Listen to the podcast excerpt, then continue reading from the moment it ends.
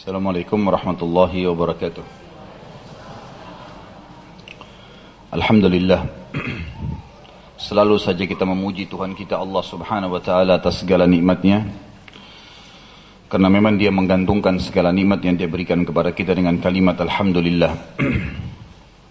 Juga kita panjatkan senantiasa salam hormat kita, salawat dan taslim kepada Nabi besar Muhammad sallallahu alaihi wasallam sebagaimana Allah dan malaikat yang telah memberikan salam kepada beliau. Kesempatan ini Bapak Ibu sekalian semoga Allah berkahi kita akan membahas masalah rumah tangga. Dan bahasan kita ini saya beri judul 15 kiat mempertahankan rumah tangga. Berbicara masalah rumah tangga, Rumah tangga ini yang kalau diistilahkan secara global lengkap dikatakan rumah tangga. Kalau untuk personil-personilnya dikatakan keluarga. Rumah tangga lebih khusus dan keluarga lebih umum. Karena kalau diitlakan rumah tangga biasanya hanya masuk istri, suami, anak. Kalau diitlakan keluarga maka masuk semuanya orang tua, mertua, ipar, keponakan, semua yang punya hubungan darah bisa dikatakan keluarga. Allah subhanahu wa ta'ala menjadikan kelangsungan keturunan manusia dengan membangun rumah tangga. Dan istilah yang digunakan untuk membangun rumah tangga ini adalah pernikahan. Tentu ada dua istilah dalam agama kita, yang satu dilarang haram dan yang satu dibolehkan, malah dianjurkan. Kalau yang dilarang adalah zina dan yang dibolehkan adalah nikah. Dua ini hal yang memang ada dalam istilah syariat kita. Allah Subhanahu wa taala telah membebankan di dalam diri kita masing-masing ada kebutuhan biologis kebutuhan dengan lawan jenis. Setiap laki-laki butuh perempuan, setiap perempuan butuh laki-laki. Butuh ngobrol, butuh menatap, menyentuh, mencium, meletakkan kemaluan di kemaluan. Itu sudah sunnatullah. Nggak bisa orang menghindar dari situ. Dan memang ini adalah sebuah hal yang harus difahamin dari awal, dasarnya begitu. Dan kita akan mulai masalah rumah tangga ini dengan definisinya. Atau pernikahan dengan definisi. Orang yang melampiaskan kebutuhan biologisnya sesuai dengan yang Allah perintahkan namanya nikah. Orang yang melampiaskan biologisnya yang tidak sesuai dengan syariat Allah namanya zina. Zina haram, dosa besar, nikah adalah pahala besar. Nabi SAW membedakan antara keduanya dalam sebuah hadis beliau yang sahih. Kata beliau, fi bid'a ahadikum sadaqah. Di kemaluan salah seorang kalian ada pahala yang besar. Lalu para sahabat penasaran berkata, ayati ahaduna ahlahu walahu fi ajr. Apakah salah seorang di antara kami menggauli istrinya, bergaul, berhubungan biologis, lalu dia dapat pahala yang besar ya Rasulullah, sudah dapat kenikmatan, dapat pahala lagi. Kata Nabi SAW, Ara'aitum law wada'tumuhu fil haram alakumul wizr. Tidakkah kalian lihat kalau kalian letakkan kemaluan kalian pada yang haram, zina, kalian dapat dosa besar? Maka kata para sahabat, bala ya Rasulullah. Benar, wahai utusan Allah. Kata Nabi SAW, wa kadzalika fil halal. Begitu juga kalau kalian letakkan kemaluan kalian pada yang halal. Jadi istilah nikah adalah pelampiasan biologis yang jelas sesuai dengan tuntunan Allah sebagai pencipta dan memiliki pahala yang besar sesuai dengan kadar bobot besarnya zina. Pelanggaran yang melampiaskan biologis tidak ikut syariat Allah subhanahu wa ta'ala. Nikah dan zina, teman-teman sekalian perbedaannya hanya lima menit saja. Yang saya masukkan lima menit adalah kalimat akadnya. Kalimat akadnya. Zina, orang melampiaskan biologisnya dengan cara haram. Zina ini pasti dimulai dengan ketakutan dan kekhawatiran dan diakhiri dengan penyesalan. Dan dalam ilmu medis, ini nggak sehat. Biologis yang nggak sehat.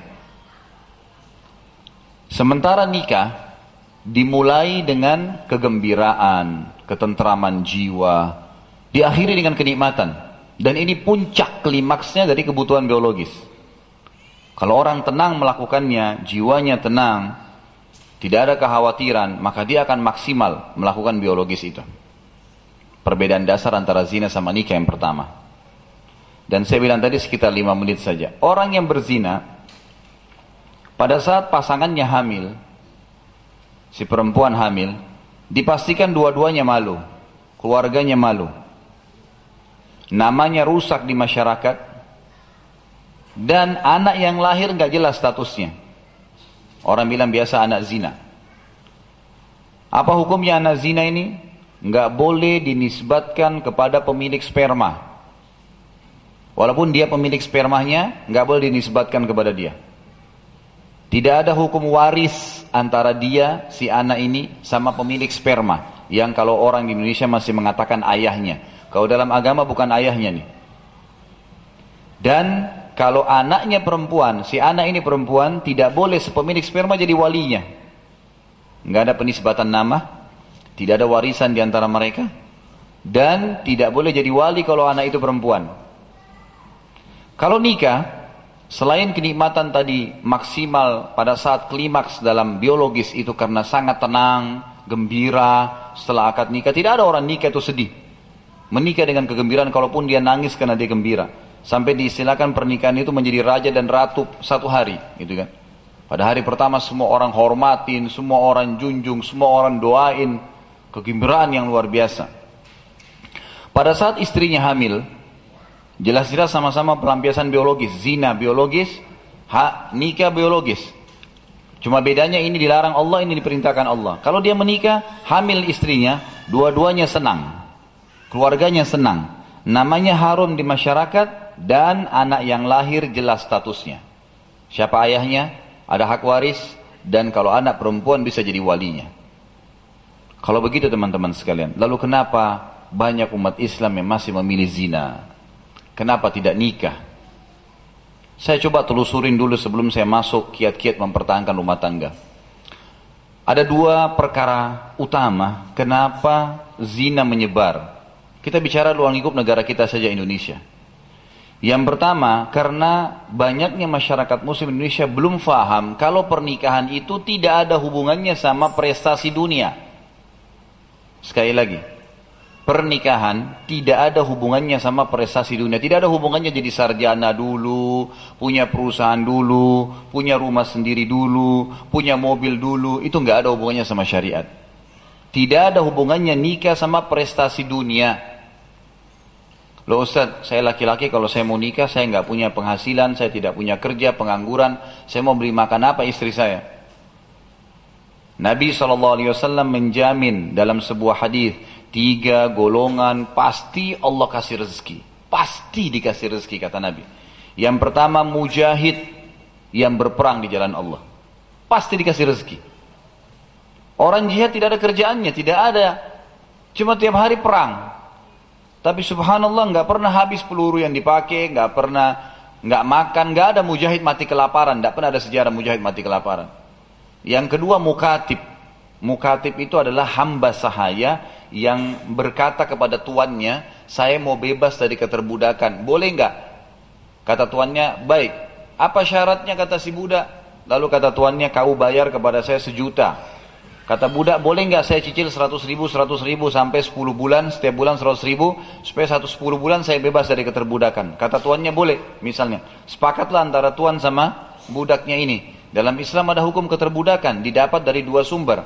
Dari peperangan jihad, kalau terjadi perang antara muslimin sama orang kafir dan menang, maka semua personil yang ada di pasukan kafir menjadi budak muslimin. Dan hukumnya mereka dianjurkan untuk dibebasin, dididik, diajak masuk Islam, diberikan makan, pakaian. Nabi SAW titip pesan untuk berbuat baik sama mereka. Dan budak ini bisa diperjualbelikan, bisa dijadikan sebagai alat untuk membersihkan kesalahan kita, namanya kafarah. Orang kalau berhubungan badan biologis siang hari Ramadan, maka hukumannya adalah memberi membebaskan budak. Kalau tidak punya maka puasa dua bulan berturut-turut. Kalau tidak punya maka memberikan makan 60 orang miskin. Ini kan. Ada bebasan budak. Orang sumpah salah, palsu. Dia mengatakan saya bersumpah atas nama Allah. Ternyata salah.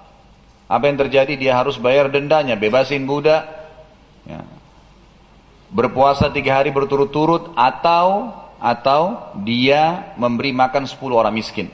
Jadi budak bisa dijadikan sebagai alat kafarah. Bisa juga menjadikan ibadah secara umum karena dia bisa dijadikan sebagai ibadah secara umum. Dengan cara bebasin budak begitu saja. Dan bebasin budak bisa langsung mengatakan saya bebaskan kamu atau mukatabah. Bagaimana caranya supaya budak tersebut menyicil pembayaran kepada tuannya supaya dia dibebasin. Ini kalau ada budak seperti ini Allah janji akan berikan kepadanya rezeki. Dan yang ketiga orang yang menikah untuk menjaga kesucian kehormatannya pasti Allah kasih rezeki. Rahasianya kalau anda pun masih pengangguran boleh nikah boleh.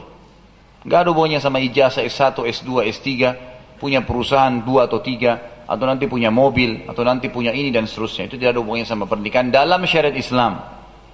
Ini yang membuat di Indonesia banyak orang terlambat nikah gara-gara ini. Ego orang tuanya luar biasa. Nggak boleh nikah dulu, nak. tunggu kamu jadi sarjana. Orang tuanya enak, ada pasangannya, bisa pelampiasan biologis. Anaknya, ada sempat mahasiswa tulis SMS kepada saya, Ustadz, saya betul-betul sudah ikut pengajian dan faham sunnah, saya ketakutan fitnah. Di kampus saya fitnah, semua perempuan banyak mayoritas tidak tutup aurat. Saya mau berhenti, orang tua saya kesian sudah telanjur biayai. Saya mau minta nikah, orang tua saya kasih syarat harus jadi sarjana dulu. Sementara masih baru tingkat satu kuliah. Hah? Sabar 3-4 tahun, orang tuanya enak benar bisa. Ada tempat pelampiasannya anaknya. Kenapa harus ego begini? Karena pemahamannya harus ijazah dulu, harus prestasi dulu. Gak ada hubungannya nih. Nabi SAW mengingatkan wa ankihul akfa aminkum menikahlah dengan orang yang sepadan dengan kalian. Kalau teman-teman laki-laki masih pengangguran atau penghasilannya satu bulan masih 500 ribu, satu juta masih dianggap kurang, nikah dengan perempuan yang bisa mengelola uang sebanyak itu. Jangan nikah sama perempuan kosmetikanya 2 juta. Nggak bisa. Habis untuk kosmetika saja. Cari perempuan yang kosmetika pakai bedak, bedak 15 ribu, 20 ribu, aman. Satu juta bisa dipakai. Dan itu pesan Nabi, nikah dengan orang yang sepadan. Emang begitu. Orang yang setara pendidikannya, orang yang setara secara fisik, orang yang punya setara secara bahasa dan tradisi, itu masuk dalam sepadan. Tapi di sini, kalau masih laki-laki cuma mampu beli nasi padang sebungkus sehari, ya makanlah berdua. Tapi tidak harus tunda pernikahan gara-gara itu. Asal niat benar Allah kasih rezeki. Ini mungkin karena sudah menjadi tradisi di negara kita. Jadi kalau saya dobrak begini nanti akan muncul pertanyaan banyak nih. Bagaimana bisa, bagaimana bisa? Bisa kalau mau. Gitu kan. Bisa kalau mau. Kesian anak-anak itu kalau sudah syahwatnya bangkit kemudian ditahan. Kalau dia beriman dia bisa tahan tapi susah gitu kan. Mukanya bisa penuh dengan jerawatan nanti gitu kan. Atau memang dia akhirnya kalau tidak beriman berzina. Minimal onani, berdosa, haram. Tidak boleh. Haram dalam agama. Jadi ini penyebab pertama yang membuat pernikahan susah atau mungkin terjadinya lama di Indonesia karena ada dihubungkan dengan prestasi dunia. Nggak bisa. Bahkan sayangnya banyak juga di antara akhwat kita perempuan yang tujuan utama dia diciptakan oleh Allah untuk menjadi ya, tempat berlanjutnya manusia hamil. Itu tujuan utama itu. Bukan tujuan utama pakai baju dinas di kantor bukan ibu-ibu sekalian. Tujuan utama menikah hamil melanjutkan generasi manusia dari kantong perutnya ibu susuin dia, didik dia berapa banyak tokoh-tokoh dunia lahir, para mujahidin, hufat Quran, presiden-presiden negara dari ibu yang salehah. Banyak, banyak ibu-ibunya presiden, mereka tidak pernah kuliah, tidak pernah sekolah SD malah. Banyak ibu-ibu presiden di dunia ini tidak ada pendidik pendidikan formalnya, tapi berhasil anaknya jadi presiden, jadi menteri, jadi harus difahami ini, harus bisa didobrak pemikiran kita yang akhirnya membuat kita menjauhi pernikahan. Saya pernah bahasakan ke banyak jemaah saya. Kalau bapak ibu di sini ada yang punya anak sudah bujang, anak-anak perempuan sudah gadis, kita bisa mengenal dia sudah mulai masuk masa puber dari gerak-gerik, dari cara bicara.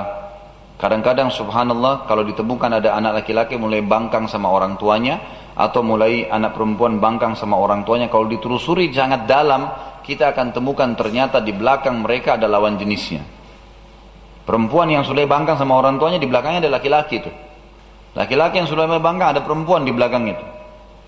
Baik, apa susahnya Bapak Ibu sekalian? Dan ini coba ditangkap secara rasional. Renungin tidak harus langsung diiyakan sekarang. Datangkan satu piring tambahan di meja makan kita untuk anak mantu dengan nikahkan anak kita. Habis itu anak kita aman. Mana lebih mulia? cara itu atau banyak orang di Indonesia di Jakarta ini. Bahkan ada salah satu kerabat saya saya temukan begitu. Semoga Allah berikan hidayah. Dia lebih bangga dengan anaknya. Pacaran pacarnya datang ke rumah masuk di kamar berdua itu lebih baik daripada dinikahkan. Menikahkan itu malu. Aib kalau menikah muda. Tapi kalau pacaran tidak apa-apa. Tamu-tamu kerabat datang siapa itu? Oh pacarnya. Naik lantai dua masuk di kamar sama-sama. Subhanallah Mana ini? Bagaimana akal sehat kita menangkap ini? Dianggap perzinahan gak masalah. Bahkan kalau putus sama pacarnya, orang tuanya datang. Putus nak, cari lagi. Subhanallah. Gonta ganti pasangan tidak apa-apa. Pada saat orang bicara masalah menikahan, dia pernikahan dianggap tabu. Ini karena dihubungkan pernikahan dengan prestasi dunia. Ini nggak boleh ada ini. Nggak boleh ada ini.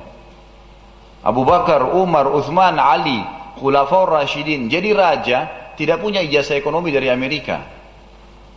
Nggak pernah punya ijazah politik dari Eropa. Orang-orang yang hafal Al-Quran, bertakwa kepada Allah subhanahu wa ta'ala, kemudian Allah tinggikan derajat mereka. Boleh prestasi formal didapatkan, bukan tidak boleh. Tapi jangan lupakan atau jangan tunda ibadah karena adalah urusan prestasi dunia ini. Jangan.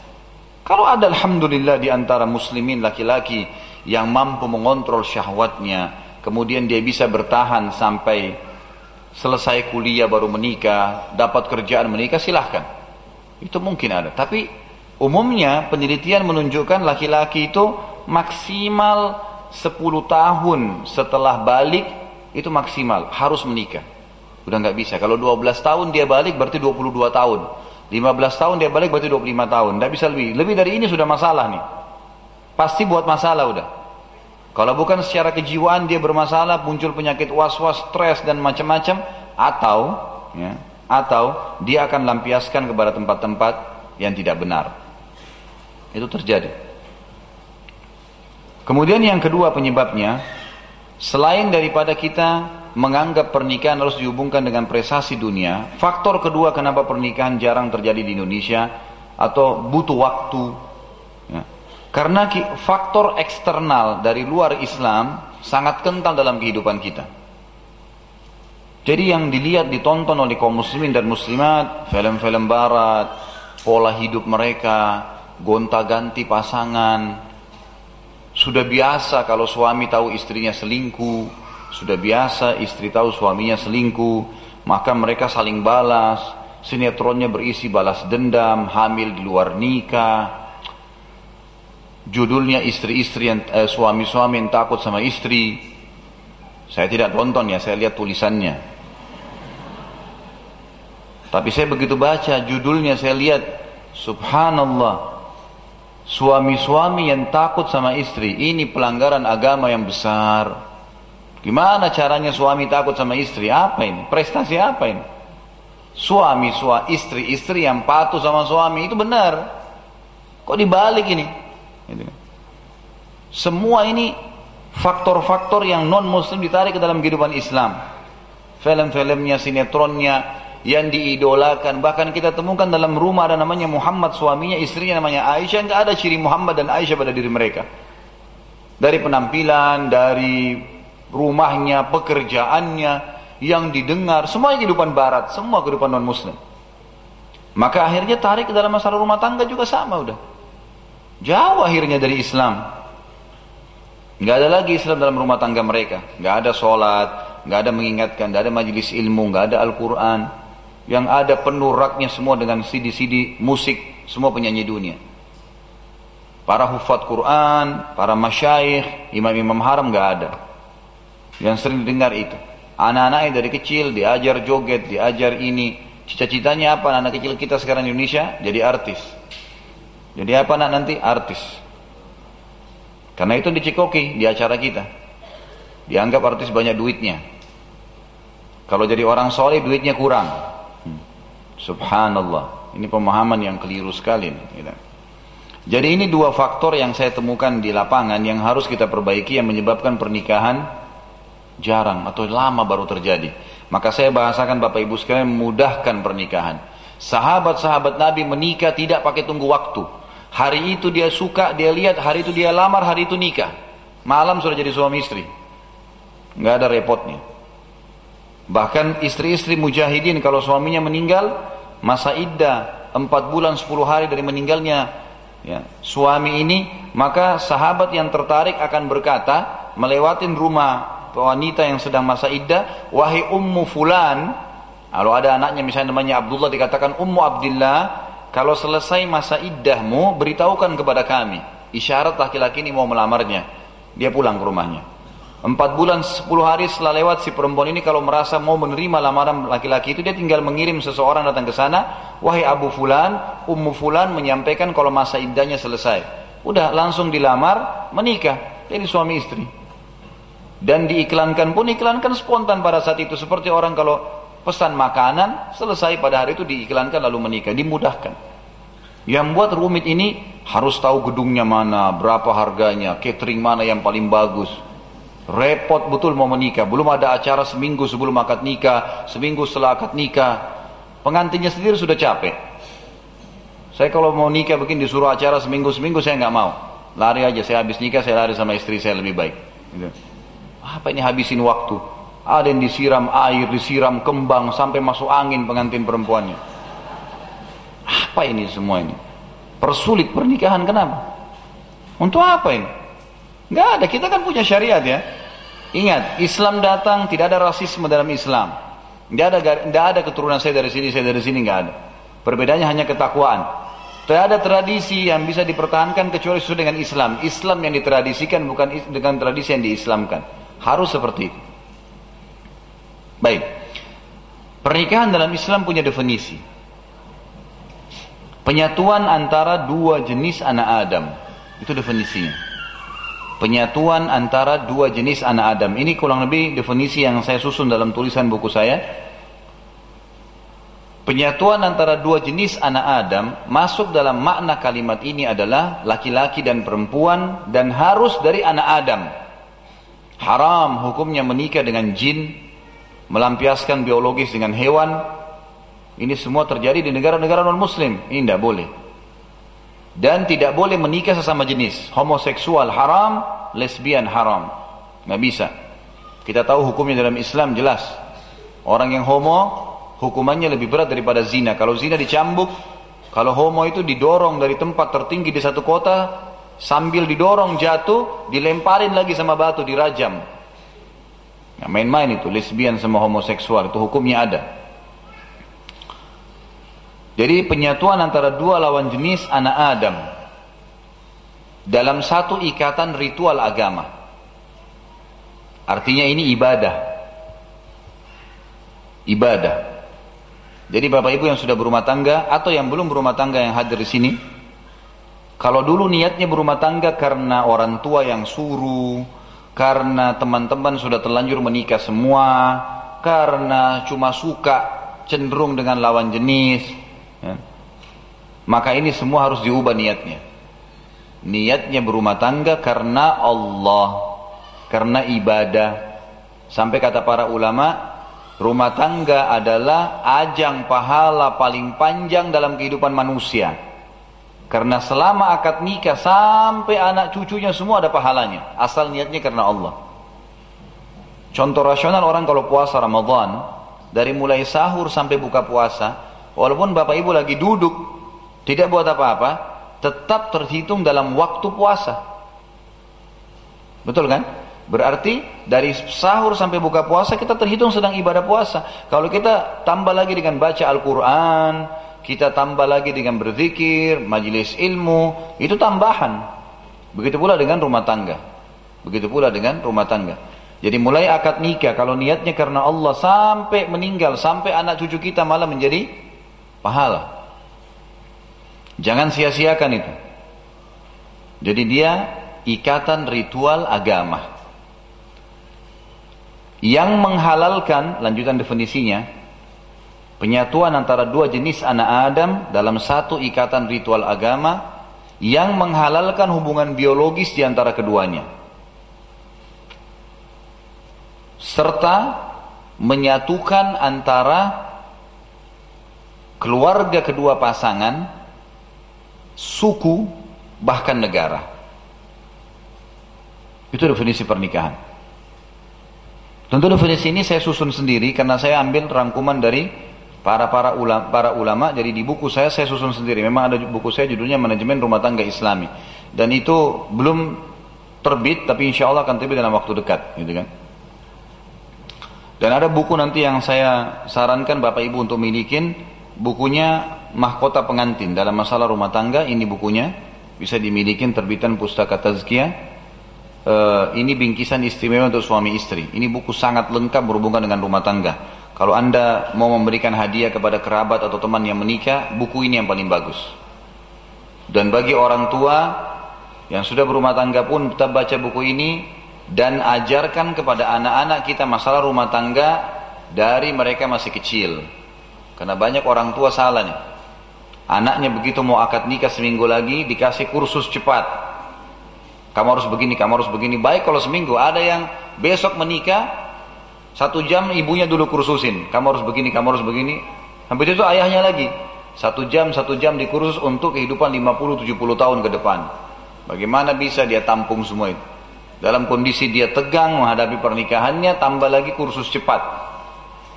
Makanya dicicil ilmunya, diberikan pelajaran. Saya tidak merasa malu atau saya tidak merasa itu kesalahan pada saat anak saya kelas 6, kelas 3 SD perempuan bertanya kepada saya. Dia bilang, "Abati, Abad itu nama panggilan ayah sayang bahasa, bahasa Indonesia-nya. Nabi Ismail memanggil Ibrahim dengan abati. Saya suruh anak-anak saya panggil saya dengan itu. Dia mengatakan abati, nanti nama anak saya kebetulan Sumaya dia mengatakan Sumaya kalau menikah kelas 2 SD dia ngomong gitu. Maka banyak orang tua pada saat anaknya ngomong gini, apa kamu ya anak kecil ngomong masalah nikah-nikah? Saya tidak. Saya panggil duduk. Iya nak, pada saat Sumaya menikah, Sumaya harus menikah dengan laki-laki saleh, hafal Al-Quran, orang yang rajin ibadah kepada Allah dan jangan orang bermaksiat. Tertanam di benak anak saya di kelas 2 SD, itulah calon suaminya. Setiap ada pertanyaan apa pun saya bilang sama istri saya, jangan jangan pernah menolak menjawab pertanyaan anak-anak. Karena kalau mereka sudah lempar pertanyaan, sampai anak-anak pernah berdanya hal-hal yang aneh, Ya mungkin bagi orang dewasa itu pun banyak yang masih butuh penjelasan. Terlintas kalimat-kalimat di koran, di buku, hubungan biologis. Anak saya pernah tanya, Umi apa itu hubungan biologis? Istri saya nggak jawab. Dia tunggu, dia tanya saya waktu datang, gimana cara yang jelaskan? Jelaskan, jangan diam. Karena kalau kamu diam, nanti dia akan cari dari sumber lain dan berbahaya kalau dia salah sumber nih. Kalau dari teman-temannya, akhirnya ngajak dia nonton film porno, ini, itu, maka kacau. Berikan penjelasan sebatas akal manusia, akalnya. Pernah, hubungan biologis adalah pertemuan nanti antara laki-laki sama perempuan dalam pernikahan, nanti akan dari situlah berlanjut keturunan manusia. Dan subhanallah anak-anak itu yang penting sudah ada keterangan dikasih, dia sudah tangkap, oh iya, ini maksudnya. Anak-anak beda dengan orang tua, orang tua mungkin masih kritis sering bertanya, kalau anak-anak tidak. Dia sudah faham, oh iya, itu maksudnya. Sudah, jadi berikan penjelasan, itu bukan aib. Jadi anak-anak itu dicicil informasinya. Saya bilang sama istri saya, setiap kamu melakukan kegiatan apa pun, masuk dapur, masak, dan seterusnya, suruh ya aja anak-anak ini, terutama anak perempuan, biarin dia terbiasa. Biarin dia bangga dengan masaknya, biarin dia bangga dengan menata rumahnya. Yang laki-laki, biarin ikut sama saya ke masjid, ya aktivitas-aktivitas yang memang laki-laki, biarin dia terbiasa. Jadi mereka sudah terbiasa dari kecil seperti itu. Ada apa nih? Hmm? Baik. Ini insya Allah nanti bukunya saya akan titip sama uh, panitia. Saya lagi minta sama beberapa teman-teman untuk datang sekarang untuk membawa bukunya. Kalau ada yang berminat nanti tinggal hubungin panitia. Kemudian juga ada uh, saya bawa DVD yang insya Allah DVD ini adalah ceramah-ceramah saya nanti kalau ada bapak ibu yang berminat, tapi ini belum ada. Nanti hubungin saja ketua panitianya, nanti akan saya titipkan. Yang akan kita terbitkan dari sekian ratus, Alhamdulillah sekarang sudah ada 300 judul ceramah. Itu sudah akan dicetak semua dalam bentuk DVD dan mudah-mudahan kita berharap di setiap rumah tangga muslim ada ceramah-ceramah ini. Baik kita masuk sekarang ke kiat untuk menjalankan dan mempertahankan rumah tangga. Yang pertama, di tulisan saya saya tulis rumah tanggamu ibadahmu. Rumah tanggamu ini pilar pertama nih. Jadi bangunan ini ada pilar-pilarnya supaya mempertahankan bangunan. Yang pertama adalah pilar pertama agar mengokohkan rumah tangga itu pada saat sudah akad nikah, rumah tanggamu ibadahmu, maka ikhlaskan niatmu karena Allah. Rumah tanggamu adalah ibadahmu, maka ikhlaskan niatmu karena Allah. Setelah definisi pernikahan tadi, Bapak Ibu sekalian, usahakan kita memahami bahwasanya rumah tangga adalah ibadah, pernikahan adalah ibadah. Jadi lakukan itu karena perintah Allah, bukan karena desakan orang tua, bukan karena teman-teman semua sudah menikah, bukan karena cenderung dengan seseorang. Jadi harusnya memang karena ya, ibadah karena Allah Subhanahu wa taala perintahkan. Dan mulailah pernikahan itu dengan hal-hal yang dibolehkan dalam agama. Yang pertama, masih di poin pertama ya. Jadikan rumah tangganya adalah ibadah. Mulailah mengenal lawan jenis calon pasangan sesuai dengan hukum syariat. Jadi kalau poin pertama ini rumah tanggamu adalah ibadahmu maka ikhlaskan niatmu karena Allah. Poin A-nya itu poin pilar. Itu pilar pertama. Di pilar pertama ada poin A, masalah kenalilah calon pasanganmu sesuai dengan syariat. Ya. Jadi kita tidak mengenal pergaulan bebas sebelum nikah. Caranya bagaimana Ustaz? Kalau saya tidak pacaran, tidak jalan sama dia, gimana caranya saya tahu dia? Ada cara syariat. Lakukan tiga hal. Di poin pertama ini mengenali pasangan dengan tiga hal. Yang pertama, kenali dia secara fisik. Maksudnya menjalankan hadis Nabi SAW lihatlah sesuatu yang menarik dari lawan jenismu yang kau akan menikah dengannya. Dan tolok ukurnya wajah dan telapak tangan. Wajah dan telapak tangan. Wajah ini simbol untuk kepala sampai ke pusat, sampai ke perut. Dan telapak tangan itu simbol dari kemaluan sampai ke kaki. Makanya wanita boleh dilihat wajah dan telapak tangannya. Itu simbolik. Kita dianjurkan dalam Islam untuk melihat sesuatu yang menarik dari wajahnya. Mungkin alisnya, mungkin matanya, mungkin hidungnya, mungkin kulitnya, bebas, boleh. Dan itu masih dalam syariat boleh. Kalau kita lihat memang mau menikah, tapi jangan ini dijadikan sebagai alasan sehingga jelalatan di sana sini. Bukan itu maksudnya.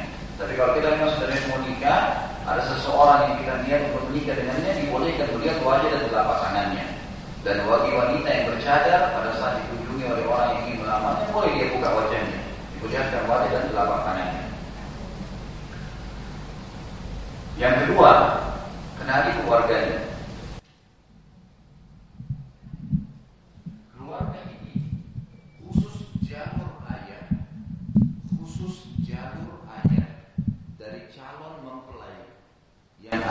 Pasangan kita, keluarga ayahnya si calon istri dan keluarga ayah calon suami. Khusus ini ya, akan mewariskan ke anak keturunan kita secara fisik. Paras wajah, warna kulit, ya, rambut, kemudian poster tubuh. Ini semua dari keluarga ayah. Jadi kalau misalnya bapak ibu menikah, kemudian ada anak yang lahir nggak sama dengan muka ibu dan ayahnya, sering terjadi kan? Itu karena jalur dari ayah orang tuanya. Ada kadang-kadang suami istri pendek, maaf. Kemudian anak-anaknya tinggi besar semua. Kalau dilihat ternyata memang keluarga ayah kedua suami istri ini memang tinggi-tinggi besar semua. Atau mereka kulitnya putih, anaknya lahir hitam. Atau terbalik, orang tuanya hitam, anaknya putih. Bisa terjadi. Makanya pernah ada sahabat, dia putih, istrinya putih. Begitu menikah, hamil, melahirkan anaknya hitam, kelam. Hitam kayak anak Afrika. Apa yang terjadi dalam riwayat ini? Suaminya bilang kau pasti selingkuh. Nah mungkin, saya putih, kau putih ini yang keluar hitam gimana ceritanya? Lapor ke Nabi SAW, ya Rasulullah, ini gimana nih? Saya putih, ini putih istri saya, ini anaknya keluar hitam. Lalu Nabi SAW mendapatkan wahyu, bertanya kepada orang ini, apa kau punya unta? Dia bilang iya. Nah, dia memelihara unta. Ada jantan sama betina? Ada. Punya anak enggak? Punya. Untanya punya anak sekitar 4 atau 5 ekor. Kata Nabi SAW, apakah semua anak-anak unta yang kau miliki warna kulitnya sama dengan orang tuanya? Kata orang itu tidak. Bahkan ada unta satu yang warnanya hitam. Kulitnya semua warna hitam. Kata Nabi SAW, kok bisa? Lalu dia menjawab, dia bilang, mungkin dari jalur keturunannya. Kata Nabi SAW, ini juga begitu. Ini anak kamu dari jalur keturunan kakek-kakeknya. Jadi kakeknya dulu ada yang berkulit hitam begini. Jadi dari ayah mewariskan fisik. Jadi kalau bapak ibu berharap anaknya nanti tinggi besar ya memang harus begitu pertimbangannya mengetahui keluarga ayah calon pasangan. Dari ibu akan terwariskan karakter, sifat. Makanya dalam ilmu medis pun diketahui kalau ibu memberikan ASI itu bukan cuma sekedar memberi nutrisi, tapi ada pentransferan sifat, karakter. Ibu-ibu kalau lagi nyusuin tidak boleh stres, ya harus makanannya baik, kondisi fisiknya tenang. Kalau lagi menyusui ada obat-obat tertentu yang tidak boleh dikonsumsi karena itu berbahaya. Bisa transfer ke dalam bayi. Sama halnya juga penelitian yang lain adalah hikmah syar'i. Kenapa orang Islam kita kaum muslimin tidak boleh makan hewan yang bertaring, hewan buas, tidak boleh makan ular, tidak boleh makan singa, tidak boleh makan serigala. Apa sebabnya? Ternyata diadakan penelitian karena hewan-hewan ini yang dikonsumsi oleh manusia selain bisa jadi nutrisi tubuhnya, bisa jadi bagian anggota tubuhnya dan bisa juga mentransfer sifatnya. Bisa mentransfer sifat, gitu kan? Jadi ini harus difahami. Makanya dilarang mengkonsumsi hewan-hewan ganas karena itu. Jadi dari keluarga ibu ada karakter. Dan yang jadi tolok ukur di sini, yang jadi tolok ukur adalah umumnya sifat keluarga ayah, umumnya fisik, sifat fisik keluarga ayah, dan umumnya karakter keluarga ibu. Jadi bisa gini, kalau ada satu keluarga ibu yang pemabuk lah, yang tidak baik lah, sementara yang lainnya semuanya baik, maka itu tidak bisa jadi tolak ukur. Baik. Jadi secara umum diambil dari sifat umumnya keluarga ya. Tadi keluarga ayah umumnya, kalau ada di antara keluarga ayah misalnya ada satu dua orang memang yang berkulit hitam, tapi yang lainnya kulitnya putih, berarti globalnya itu. Kalau ada di keluarga ibu satu dua orang yang tidak baik sifatnya, tapi umumnya keluarga ibu itu memang ya dosen misalnya pengajar e, orang baik-baik ya keluarga yang baik-baik terkenal akhlaknya baik maka itu yang jadi tolak ukur Makanya Umar bin Khattab radhiyallahu pernah pada satu malam jalan-jalan di kota Madinah, jalan-jalan di kota Madinah lalu beliau menemukan ada satu rumah penjual susu dan di situ ditemukan ada nenek sama cucunya lagi berbicara di malam hari. Kata neneknya, lebih baik susu ini kita campur air supaya bisa dijual lebih murah, menguntungkan. Kata cucunya ambil mobil Umar bin Khattab larang nggak boleh nanti kita dihukum. Neneknya Umar nggak tahu kok. Padahal Umar lagi ada di sebelah tembok rumah mereka. Lalu kemudian si cucu sambil menangis terisak-isak luar biasa kayak ketakutan dan dia mengatakan wahai nenekku, dia takut neneknya melanggar hukum Allah. Kalau seandainya Umar tidak tahu bagaimana dengan Tuhannya Umar, Sambil dia nangis, bagaimana dengan Tuhannya Umar nenek? Bagaimana dengan Tuhannya Umar? Terus dia ulangin sampai neneknya pun nangis. Akhirnya Umar bin Khattab malam itu juga pulang ke rumahnya bangunkan semua anak laki-lakinya dan menawarkan mereka siapa yang mau nikah dengan cucu penjual susu. Ini bapak-bapak bayangkan nih kalau malam-malam dibangunkan ayahnya suruh nikah malam-malam. Itu yang terjadi. Lagi tidur suruh bangun semua. Siapa yang mau nikah? Gak ada yang nyaut awalnya. Kata Umar, kalau nggak ada yang mau nikahin, saya nikahin. Kata Asim, anaknya Rasulullah yang yang paling kecil saya, ayahku saya akan nikahi karena patuh kepada anda. Asim pun berpihak di penjual susu. Jadi ini anak raja nikah sama anak penjual susu. Maka menikah. Setelah mereka menikah, Allah karuniai anak namanya Abdul Aziz. Abdul Aziz punya anak lagi namanya Umar. Umar bin Abdul Aziz terkenal khalifah dari eh, eh, dinasti Umayyah yang berkuasa dua tahun dari tahun 99 sampai 101. Tidak ada lagi orang yang mau menerima zakat pada saat itu karena makmurnya. Keadilan, kesolehan yang luar biasa. Nasihat-nasihatnya selalu luar biasa. Khalifah yang selalu hadir di tengah-tengah masyarakatnya. Tidak pernah tertutup rumahnya. 24 jam terbuka bagi orang yang mengeluh. Kata para ulama sejarah kesolehan Umar bin Abdul Aziz terwariskan dari cucu penjual susu tadi yang sengaja Umar suruh nikahi karena Umar tahu kesolehannya. Umar suruh nikah dengan anaknya karena tangisannya tadi si perempuan ini. Tidak mungkin dia nangis kecuali karena dia takut kepada Allah. Nah ini bibit kesolehan ini terwariskan. Seperti itu memahaminya. Jadi karakter. Baik, yang ketiga, tanpa pacaran bisa menikah, Lihat fisik tadi, wajah dan telapak tangan saja, kenali keluarga, keluarga ayah mewariskan fisik, keluarga ibu mewariskan karakter, dan yang ketiga, kenali lingkungannya. Lingkungan, boleh orang taruh pada saat mau menikah, boleh dia tanya.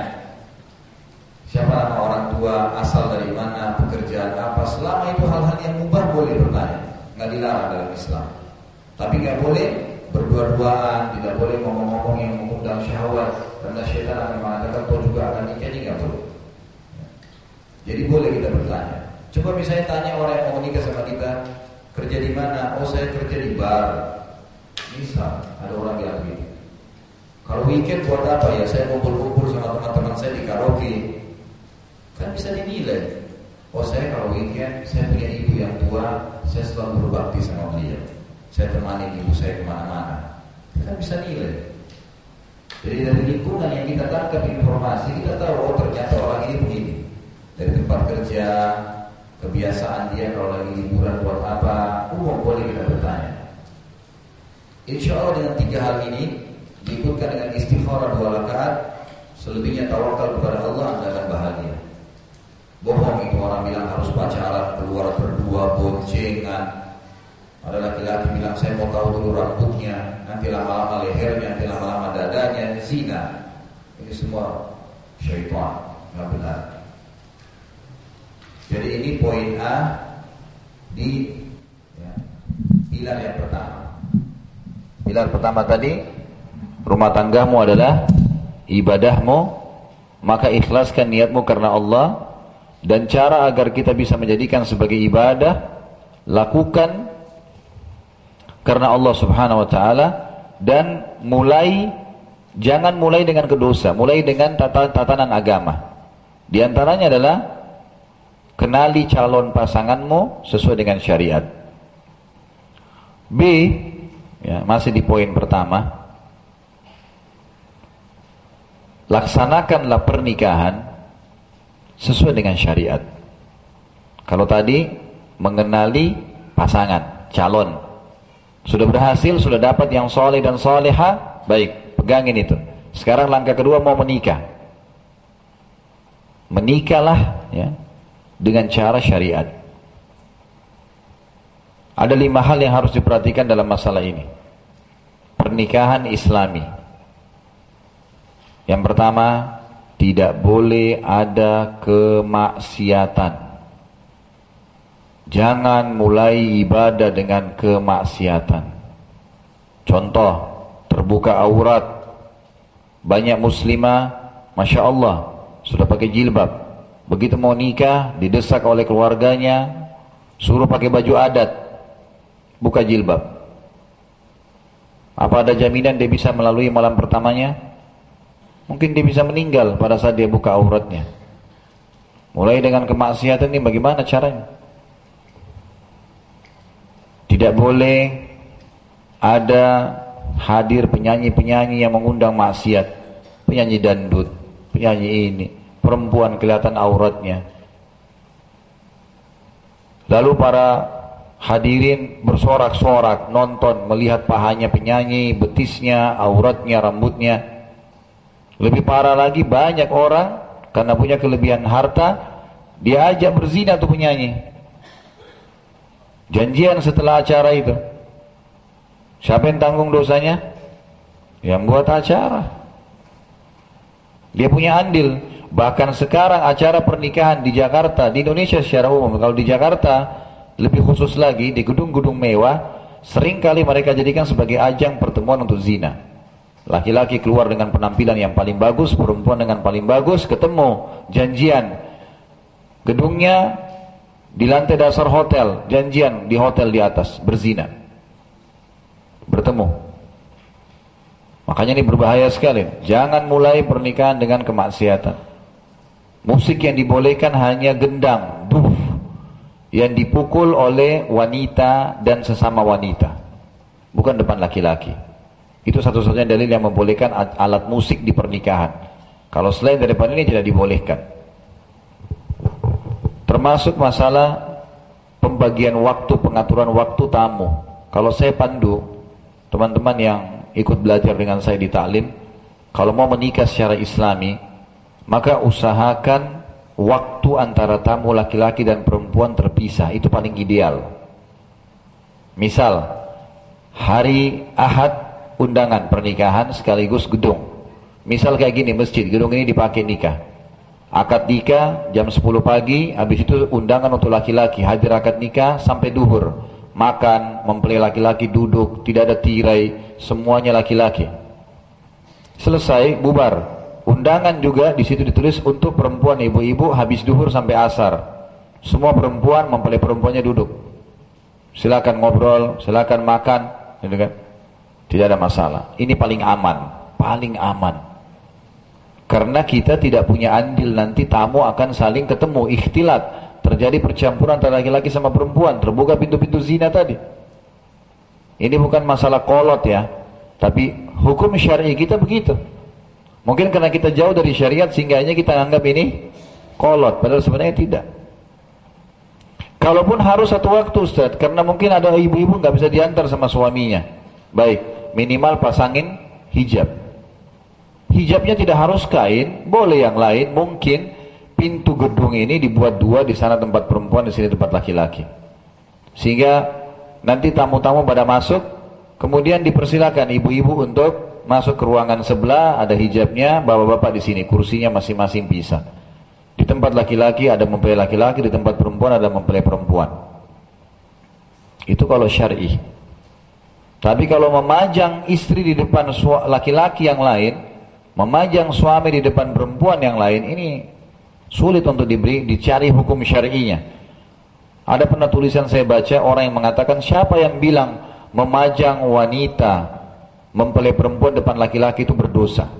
Buktinya ada perempuan yang pernah menghibahkan dirinya kepada Nabi SAW, lalu Nabi nikahkan di masjid di depan laki-laki. Jawabannya benar.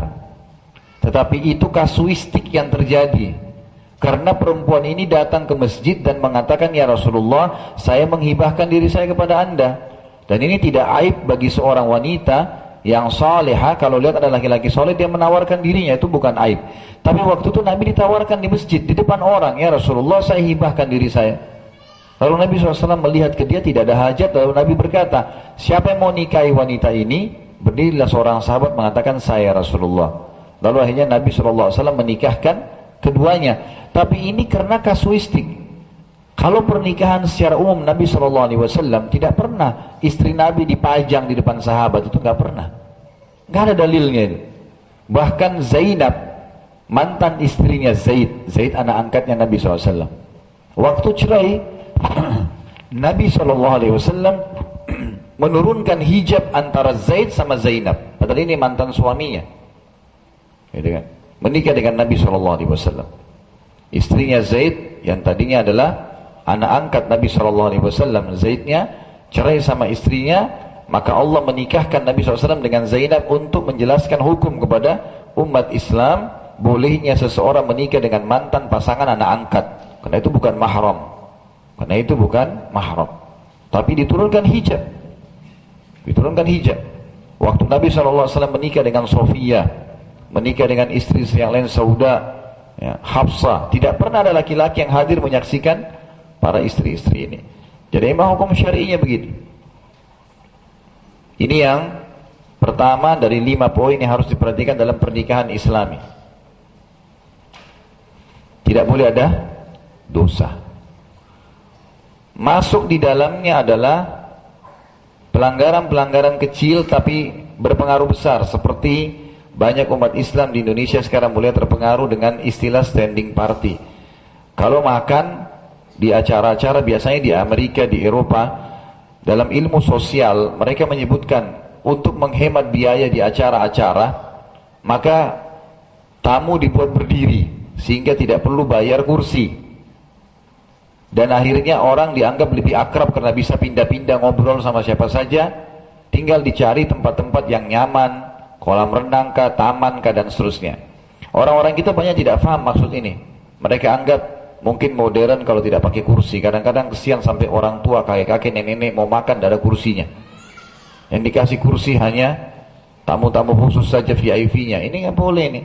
Nabi SAW melarang kita makan dan minum sambil berdiri. Nggak boleh. Nggak boleh ada pelanggaran nih. Bayar tambah sedikit nggak apa-apa.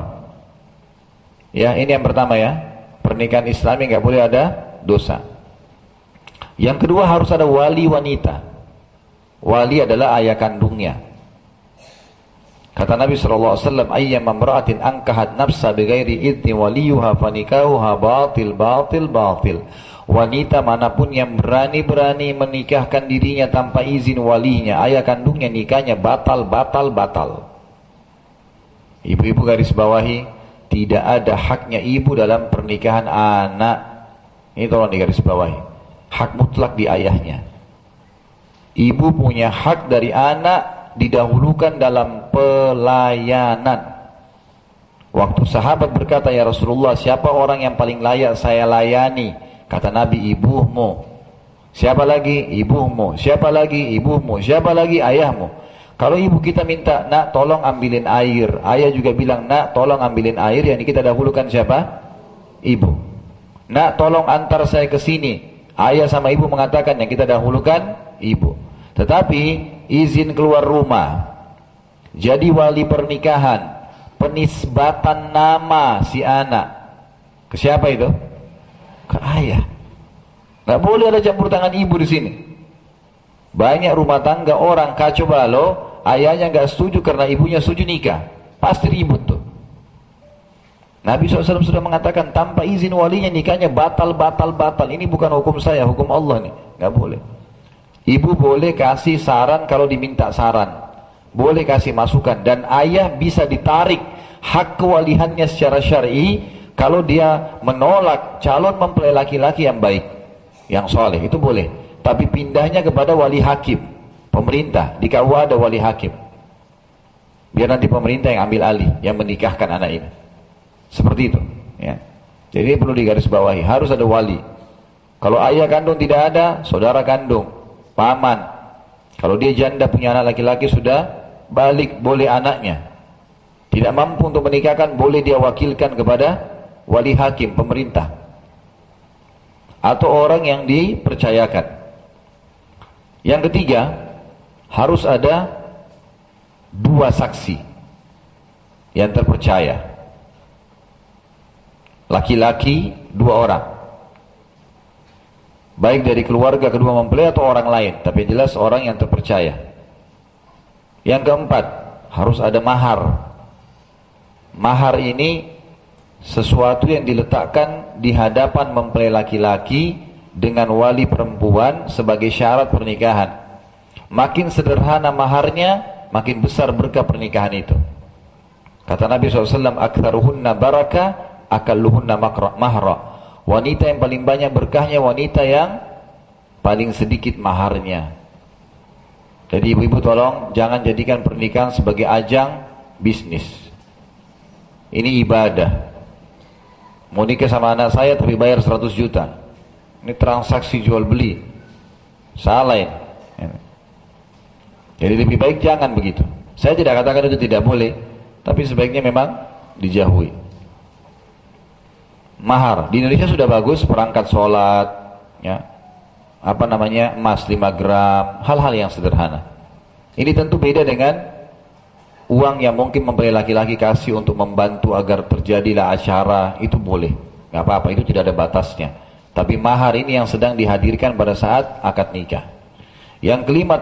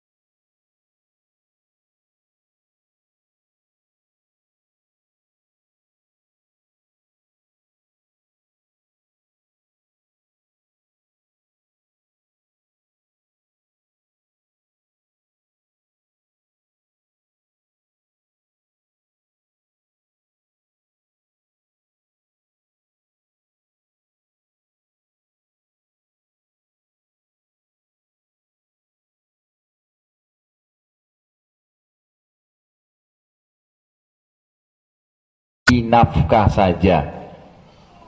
Sebaliknya, ibu-ibu kalau punya uang, suaminya nggak boleh ambil biar satu rupiah. Ya, kalau ibu punya warisan 200 juta, dikasih oleh orang tuanya, suami nggak boleh bilang kan sudah 10